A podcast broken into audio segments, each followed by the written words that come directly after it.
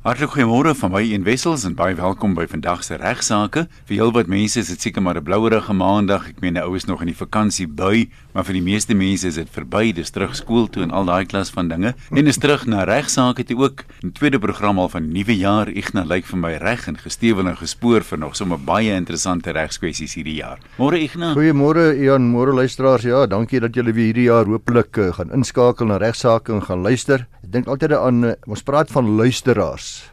Nou dis al wonderlik my vrou sê mans luister nie. Ek luister nie wanneer sy praat nie. Ek maak of ek luister, maar ek luister nie regtig nie. Dis 'n groot fout wat mense het. Nou gelukkig of ongelukkig moet julle wat nou vandag ingeskakel is luister. Ek dink hulle hoor meer as wat luister, ja, maar toe maar. Want Mark Twain het mos gesê iets tot die effek van uh is die Here wou hê dat mense meer moet praat dan sê hy vir jou twee monde en een net een oor gegee het.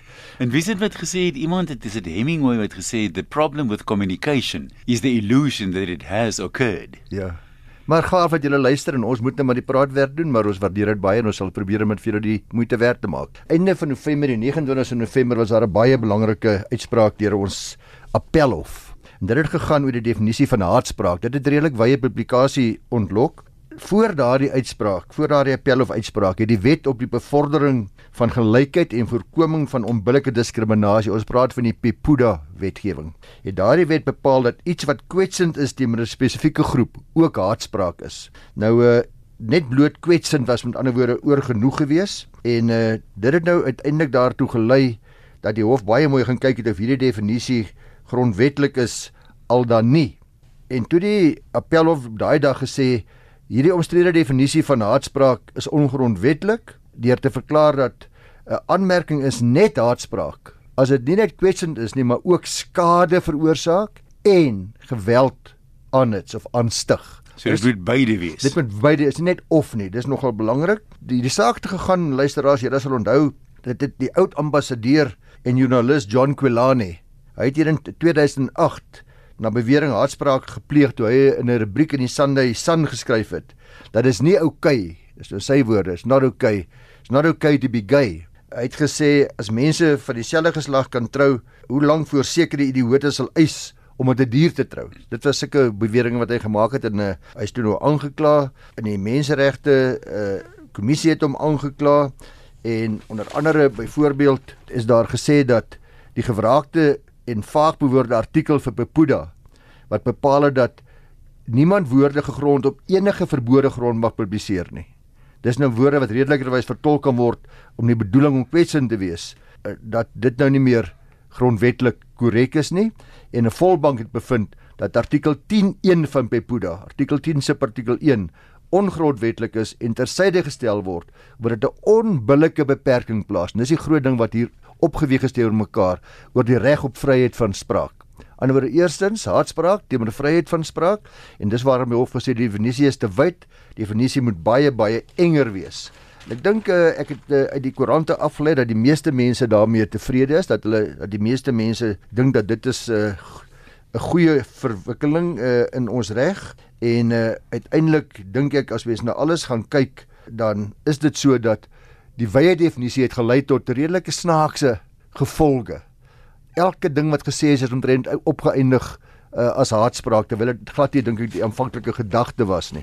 So luisteraars uh, om op te som, ek dink mense kan maar sê die, die enigste samelewing waar niemand iets mag sê wat jou kwes nie, is die een waarin jy totaal autokraties is en uh, ons sê sê hof sê ook demokrasie vereis dat slegs erg kwetsende standpunte, nie gewone kwetsing nie. Ek mag maar iets sê wat jy nie van hou nie. Don Quilani mag iets sê wat ons nie meer saamstem nie. Wat vir ons bietjie kwetsend is, maar is, die hof sê as mens dit nie eers meer kan doen nie. Goed, dit's heeltemal te wyd. Daar was 'n filosoof, kan nou nie die naam onthou ongelukkig nie. Kyk, little knowledge is a dangerous thing sê hy altyd. Maar wat gesê het, ek stem nie met jou saam nie, maar ek sal jou reg om van my te verskil tot die dood te verdedig. Wat nogal vir my interessant is. Onthou nou net asseblief uh, luisteraars, dit is sodat hierdie bevel wat nou gemaak is in die hof op 29 November is nie van krag totdat die konstitusionele hof dit bekragtig het. En die saak is verwys na die konstitusionele hof toe en totdat dit bekragtig is, het dit geen invloed op enige haarspraak saak nie. Dit is ook nie terugwerkend van aard nie. Die hof kan natuurlik nou na terugwerkendheid gaan kyk, die grondwetlike hof, maar die appelhof se verklaring het geen terugwerkende krag nie. Uh dis dis nie op vorige invloed. Die mense wat nou luister dink wat gebeur nou met die met die vlagsaak uh of die of daai saak dit het oomblik het dit geen invloed nie en uh dit is ook so dat mens kan ook steeds afgesien van hierdie uitsprake moenie dink dat dit verander iets aan die misdaad van kriminenuria nie. Mens kan nog steeds in seker verkwetsende goeder wat erg kwetsend is kan nog steeds vir kriminenuria aangekla word wat 'n strafregtelike aanklag is en niks te doen met hierdie spesifieke bepoeda wetgewing nie Ek dink dis sommer terug aan sake wat ons gedoen het, mense wat ontslaan is op grond van wat vertolk is as rassistiese aanmerkings. Ek dink in een geval waar 'n ou ingestap het by 'n personeelkamer of iets en gesê het: "Swart man skuif jou motor, hy staan in die pad." Ja. Dit is toe as rassisties vertolk en ek dink die ou het sy werk verloor. Rasisme gaan waarskynlik nog altyd as erg kwetsend beskou word en waarskynlik nog steeds altyd beskou word as iets wat lei tot skade en nadeel vir die persoon wat dit aanhoor. So baie moeilik wees om moet kyk wat gaan gebeur nadat die grondwetlike hof nou die die wysiging en hoe, hoe presies die wysiging gaan lees. Is natuurlik ook belangrik. En nou sal neem ek aan soos gewoonlik is daar maar verskille onder mense hoe dit geïnterpreteer moet word. Daar sal wel die hofsaake groter duidelikheid kry van dit val onder die wet, dit val nie onder die wet nie. Dit word mos net maar so gefilter deur die regspraak. Dis korrek so. Jan, daar's gereeld berigte, tog vir my interessant hierdie gewees uh, oor die kopiereg op musiek. En een van die verweere dikwels is dat slegs jou koorgedeelte. Ek het net 'n sinnetjie of twee uitgehaal. Ek het net jou mm. hierdie hierdie hierdie mooi deeltjie wat almal sing in die kar met die braaivleis. Ek het net daai deeltjie gebruik vir my my nuwe stukkie wat ek nou gedoen het. Daar sien ons mense wat praat van die 8 sekonde reël. Ja, as jy minder as 8 sekondes vat dan dan correct, kan jy ja. dit maar doen. Dis nogal 'n mynreg uh, hierdie kwessie van musiekregte veral in Suid-Afrika en oor die hele wêreld en veral in Europa. En as daar's ook in Suid-Afrika slegs 'n paar firmas wat regtig regsfirmas wat hierin spesialiseer. Ek het ook al voorheen gemeld luisteraars dat om patentreg en kopiereg, ons noem dit immateriële goedere reg, 'n spesialistveld is. Sal mens dikwels vind dat ons in Suid-Afrika ook leen of leer by wat gebeur in die res van die wêreld, veral Europa. Nou uh die Duitse saak wat ek vandag wil bespreek, sal sekerlik in Suid-Afrika ook in die toekoms nie geïgnoreer word nie. Dis waarom dit ook vir ons mense van belang is. Dis die saak wat handel met 'n Duitse orkes. Nou luisteraars van my ouderdom dis nou jy ingesluit. ja. Uh, sal waarskynlik die Duitse orkes Kraftwerk. Ja, baie goed, goed. Ja, ja, ja. Hulle groot treffer as Autobahn. Ek wou nou net vir jou gesê het Autobahn. Ja, ja, ja. Nou gee ek aan my ouderdom weg. Ja, nee, wragtig. Nou in hierdie geval Kraftwerk omdat hulle gesê het dat 'n uh, ander orkes naamlik Pelham 2 sekondes van 'n gedeelte van van hulle liedjie met die naam Nurmir gesteel het. Nurmir is 'n liedjie wat hulle het en hulle sê Kraftwerk vat te vir Pelham hof toe en sê Pelham, julle het 'n deel van ons liedjie gesteel en uh, julle moet daarvoor boet. Die hof verwys ook na die Europese Unie se kopiereg en die gesag daaroor en sê dis baie duidelik dat as ek kopiereg het op 'n liedjie, dit eksklusief is in opsigte van die totale liedjie. Nie net van klein deeltjies, dit wil sê elke klein gedeelte daarvan. My kopiereg strek oor die hele liedjie. Die hof sê dan ook dat enige bepaling in die Duitse reg wat toelaat dat 'n klein deeltjie gekopieer kan word, afgekyk, afgeluister, gehergebruik kan word, is onwettig in Duitsland. Die hof gaan ook verder, sê dat indien hierdie stukkie wat nou onwettig gekopieer is, egter so gewysig word dat die ou deel, die ou bekende wat jy nou ken, amper onhoorbaar is vir die oor, onherkenbaar is vir die oor, dan is dit nie 'n reproduksie van daardie werk nie. Maar let wel, dit moet so gewysig word dat ek dit nie sal herken nie dat dat ons sal nie dink my maggies maar dit is nou Autobahn se liedjie daai nie. Uh en die hof sê dan sal vryheid van uitdrukking sta swaarder weeg en sal dit nie as kopiereg beskou word nie, maar bloot net as artistieke uitdrukking. So Pelham se verweer luisteraars was interessant onder andere dat om slegs 'n klein deeltjie te quoteer uit 'n ander liedjie en op voorwaarde jy daardie bron moet erken, dit altyd wettig sal wees. So die erkenning sê hulle, ons het gesê Ons het nie skaam om te sê dat hierdie deeltjie het ons gesteel gevat, geneem uh uit Autobahn se liedjie nie, maar die hof verskil en sê nee, wat hierdie verweer uh werk nie so nie. Dis net 'n klein stukkie te kwoteer is nie van toepassing op liedjies nie, maar daardie verweer is net van toepassing op gesprekke en mediaverklaringe. Ek kan 'n stukkie van 'n gesprek vat en 'n mediaverklaring vat met erkenning. Geen probleem nie. Net soos iemand kan 'n stukkie uit ons gesprek vandag vat en dit gaan oordra en sê dis wat Ignas gesê het, dis wat Ian gesê het, geen probleem daarmee nie. So die vraag is hoe sal Suid-Afrikaanse reg hierop reageer? Nou ek het 'n paar weke gelede gewys op die konsepwysigingswet wat ook in wording is in Suid-Afrika wat die onderwerp is van heftige en baie emosionele debatte in die kopiereg wêreld. Nou uh soos die reg egter tans in Suid-Afrika uitsien en dit uh, wat ek nou sê kom van ENS af, 'n uh, baie bekende patente firma in Suid-Afrika, ENS, wat ook in kopiereg spesialiseer en 'n dame met die naam van Rachel Sikwane sê dat sy van mening is dit in Suid-Afrika en totdat hierdie wysigingswet deur die hof deur is, sal die gekopieerde gedeelte van 'n substantiëre gedeelte van die werk by ons as beslis kopieregskenning beskou word, maar sy sê die klem by ons is op die oomblik is eerder op die kwaliteit daarvan as die lengte van die werk wat oorgeneem is. Uh so sê sy sê miskien 'n klein stukkie sal nog by ons uh dalk nog deurgaan en nie kopieregskenning wees nie, maar sy sê ook by ons sal dit nie inbreukmaking wees as die deel wat oorgeneem is onherkenbaar gewysig is nie. Dan verwys hy na 'n klomp vorige sake wat ook gehandel het met baie klein elemente of deeltjies uit liedjies wat oorgeneem is. Ek kan nie onthou nie, maar dink sy het ook Ed Sheeran se liedjie Fotograaf se geval bespreek waar daar 'n bewering was deur meneer Cardell dat fotograaf baie naby weergawe is van sy liedjie die die uh, Amazing. Hy het hulle aangevat daaroor. En daar was ook berigte dat die Amerikaanse hof bevind het dat Katy Perry se 2013 liedjie Dark Horse Uh, terloops daar sal meer as 13 miljoen kopieë van daai liedjie verkoop. Dis verskriklik. Hmm, dit inbreuk gemaak. 'n dollar vir elkeen kry, ja, né? Ja, dit inbreuk gemaak het op die kopiereg van Flame se liedjie, die, die ou bekende liedjie uh, Joyful Noise hier in 2008, 2009, 2010. So luisteraars, die van u wat liedjies skryf en liedjies gebruik en uh, wat so hier en daar ietsie steel of ietsie oorneem, my advies is uh, dat uh, iemand wat kopiereg het op musiek, die van u wat luister vandag, dat u maar spesiale kopiereg spesialis kopiereg prokureur moet gaan spreek indien nie van mening is dat daar 'n deeltjie van u liedjie gebruik of gesteel is of waar 'n inbreuk gemaak word op u musiek. Al is dit net 'n baie klein deeltjie want ek is seker daarvan hierdie Duitse saak wat ek nou genoem het gaan mettertyd in Suid-Afrika ook aangehaal word en waarskynlik gevolg word. Net 'n vinnige ander opmerking daaroor, daar is natuurlik baie kunstenaars wat hoe sê mense dit nou stel wat intens geïnspireer word deur 'n treffer liedjie wanneer hulle hulle liedjie skryf. Want baie keer dan hoor jy 'n nuwe treffer, dis vir jou vaag weg bekend. Dit kan nie sê dis identies nie, maar dit klink so half en half soos Hemel op Tafelberg ja, of ja ja ja ja. Of wat ook al. En die die ander geval is jy nou daar was al talle talle talle James Bond flieks. Nou almal ken die tema lied. Hulle kan net daai drie note so ja. in die middel dan weet jy hier kom die moeilikheid nou. ja, so ja. Kom ons sê net weer jy kan jou vrae vir beantwoording stuur na Igna by ffd.co.za. Hou net in gedagte, ons neem van die programme vooraf op, so ons gaan nie volgende week by jou vraag uitkom nie en hou verder in gedagte dat Igna net nie telefonies of skriftelik vir jou persoonlike regsadvies kan gee nie. Daarvoor moet jy maar jou eie prokureur nader. Die program word moontlik gemaak deur die Prokureursorde van Suid-Afrika en die doel daarvan is om die breë publiek te bemagtig oor 'n wye verskeidenheid regskwessies. Ja, dankie Ian. Baie van u het dalk die video gesien wat dit was baie wyd versprei al 2018 waar iemand 'n klein rob, ek weet nie of mense sê robbietjie vir Robbie, Robbies. Rob, ja, op 'n visboot uh, geslaan het en ook gesteek het met 'n voorsterp voorwerp. Nou mense oor die hele wêreld was woedend. Eindelik is daar 'n saak geopen deur Swartland se dierebeskermersvereniging en die persoon wat uh, die oortreding gepleeg het, meneer Turdo het skuldig gepleit op al hierdie klagtes wat aan hom gestel is in terme van die wet op dierebeskerming. Hy was dan ook skuldig bevind in die landdroshof daar by Laaiplek, daar daar by Veldrif van die Weskus. Daar 'n mooi wêreld daai ook hier.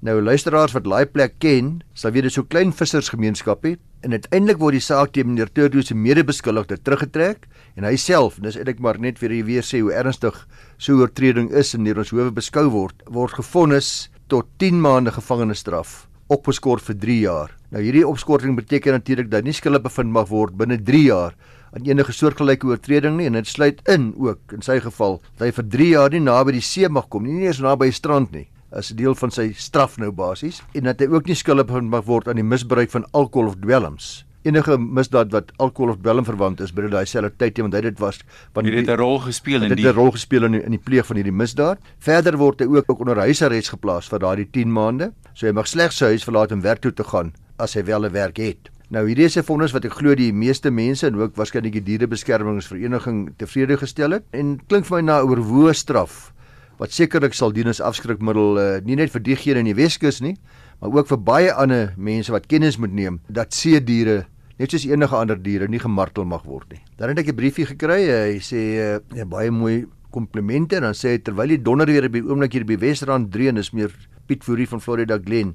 En daar 'n vraag my opgekom. Dit sê dit 'n aanleiding van 'n vorige program wat ek gepraat het oor die aanspreeklikheid van uh, werkgewers vir die handelinge van hulle werknemers, die middelike aanspreeklikheidsprogram. Hy sê nou wat sal die regsimplikasies wees indien my tenier in die uitvoering van sy pligte deur die weerlig getref word? Hy's immers in my diens besig om te werk. Nou ja, meneer Fourie of Piet, delektuele eise vir skadevergoeding deur 'n werknemer teen sy werkgewer het as eisoorsaak altyd nalatigheid. Beweer nalatigheid uh, deur die werkgewer en 'n uh, godshandelinge act of God, soos die weerlig, uh, is daar geen sprake van nalatigheid aan die kant van jou as werkgewer nie, so daar sal geen aanspreeklikheid hoegenaamd wees nie. Dit sal seker ook afhang van die feite. Kom ons sê nou die donder weer hier bo en jou werker sê maar hy gaan nou eers inkom en jy sê nee man, jy sny nou die gras klaar en die ou is nou daar. Nou teiken vir die weerlig, dis iets anders. Dis net nou iets anders en dieselfde geld byvoorbeeld as jy uh, op 'n golfbaan is en die, die eienaars of die of die mense wat die toernooi reël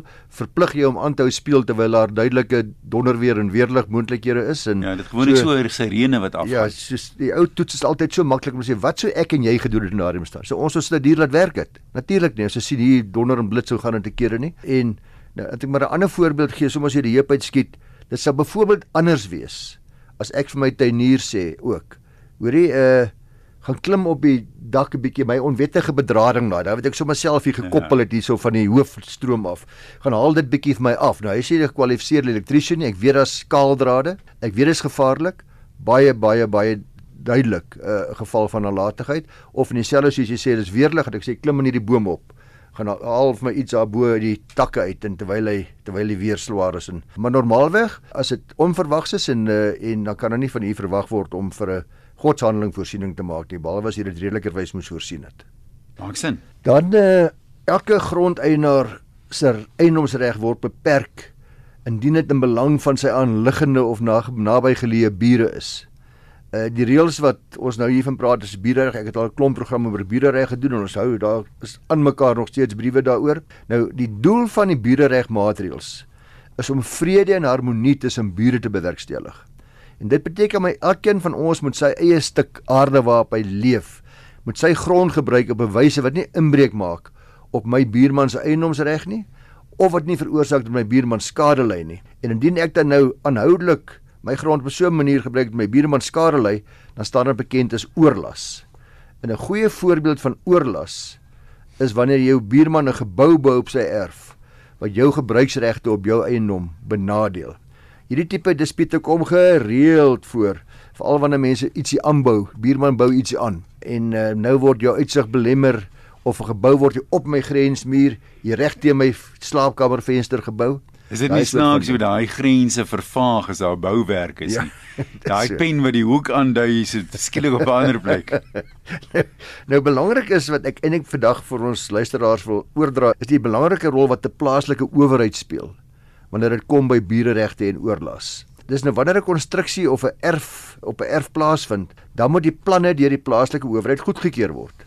En hierdie plaaslike owerheid sal slegs of behoort slegs die planne goedkeur indien geen van die kwalifiserende gronde, die diskwalifiserende gronde, vervat in artikel 7 1B2AA, so vreeslike maar subartikels van subartikel van artikel 7 van die Wet op Nasionale Bouregulasies en Boustandaarde teenwoordig. Daar's 'n hele klompie diskwalifiserende goed wat sê julle moet daarna kyk plaaslike owerheid, dan mag julle nie bouplanne goedkeur nie.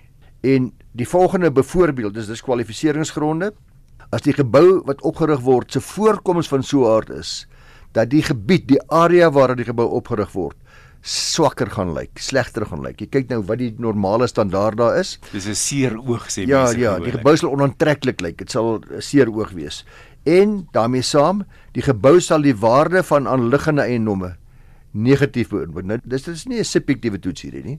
Dis 'n objektiewe toets. Maar ek hou nie van groen nie.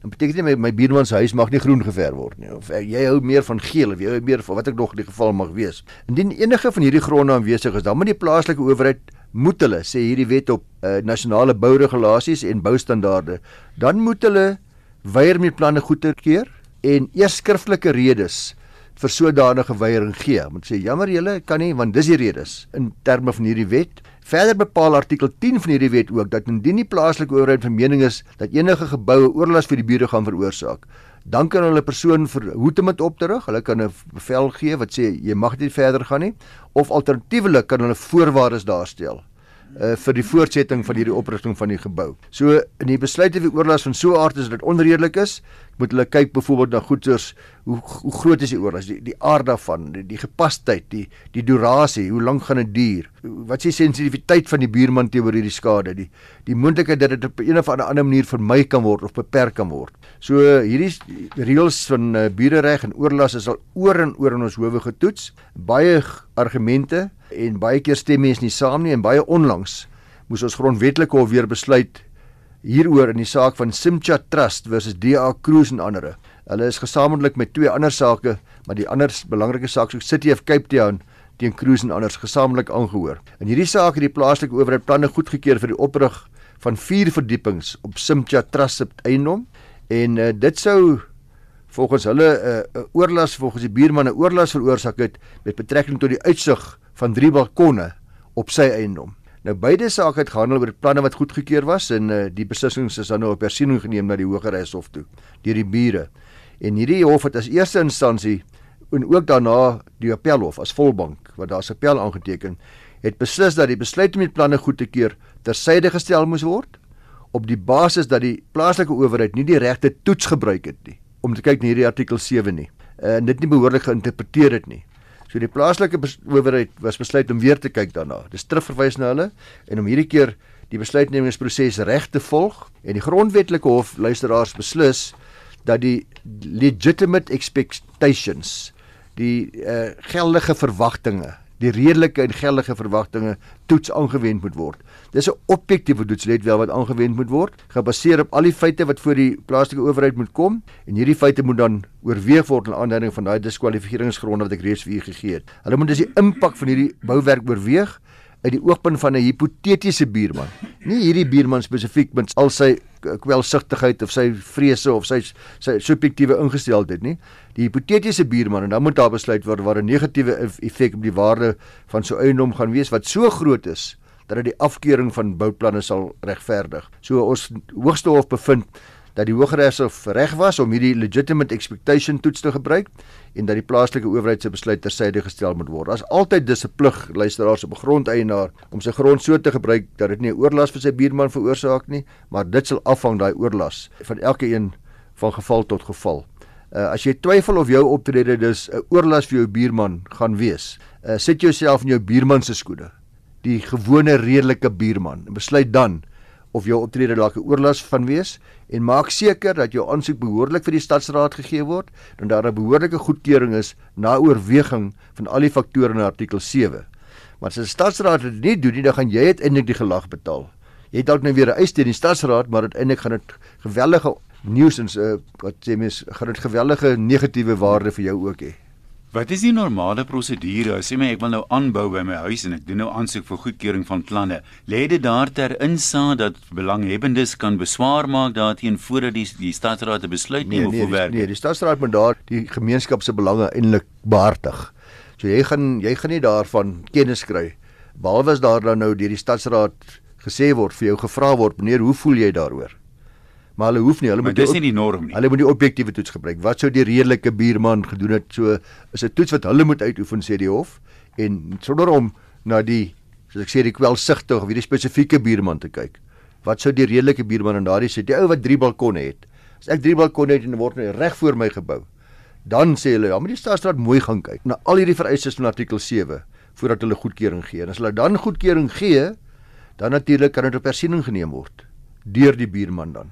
Een ding wat mense nogal baie van hoor veral by kuseiendomme, mooi uitsig is gewoonlik 'n groot oorweging by daai eiendomme. Dan almal kyk nie so mooi kan ek dalk toegebou word nie want ek weet van 'n praktiese geval waar iemand 'n kaal erf gekoop het teen 'n buitensporige prys juis om te verhoed dat sy uitsig belemmer word dat iemand daar bou. Maar die blote feit dat as jy iemand nou 'n oorkant jou wat daar 'n oop erf is, 'n dubbelverdieping bou wat jou uitsig gaan raak, dit per se is nie noodwendig 'n nee, probleem. Nee, daar's 'n hele paar pragtige appelhofsaake daaroor gewees. Ek het so jare wat terug die laaste een daaroor bespreek op hierdie program en dit lyk baie keer wie appelhof uitsprake teenstrydig is, maar die toets uiteindelik is as ek 'n en hom koop, 'n erf koop dan moet ek weet dis hoe die huise in my omgewing lyk. Hier's dubbel verdieping huise, die boubeperking hierso is 3 verdiepings of 2 verdiepings. Ek kan na my buurman nie kwaadlik neem as hy presies doen wat ek gedoen het nie of wat die res van die mense in daardie gemeenskap gedoen het nie. So ek is nie geregtig per se soos jy sê op 'n uitsig nie. Daar mag gevalle wees waar dit spesifiek is hmm. dat hierdie ou nou so kon gebou het dat dit nie my uitsig belemmer nie en dat ek dan kan gaan vra vir die stadsraad in terme van hierdie spesifieke artikel. Kyk 'n bietjie net hoe dit jou normale buurman sou beïnvloed en waar nie op 'n ander manier gebou kan word en dieselfde doel bereik word nie. Ek dink ek sê vir jou baie dankie. Dis alwaarvoor ons gaan tyd hê vandag. Luisteraars hou net in gedagte dat as jy nie kan luister na regsaake 11:30 maandag hier op RSG nie, elke program is ook beskikbaar as potgooi. Jy gaan na die webwerf toe rsg.co.za klik so skuins bo in die bladsy op potgooi, dan maak daar 'n nuwe bladsy oop langs hom staan alle. Nou dis alle programme. Dan kan jy daar afrol alfabeties tot by regsaake. Die jongste program sal heel bo lê met so 'n kort opsomming van die inhoud, so jy kan of net daarna luister of dit aflaai op jou rekenaar. Dis dit van ons, mooi loop, ons gesels volgende maandag weer.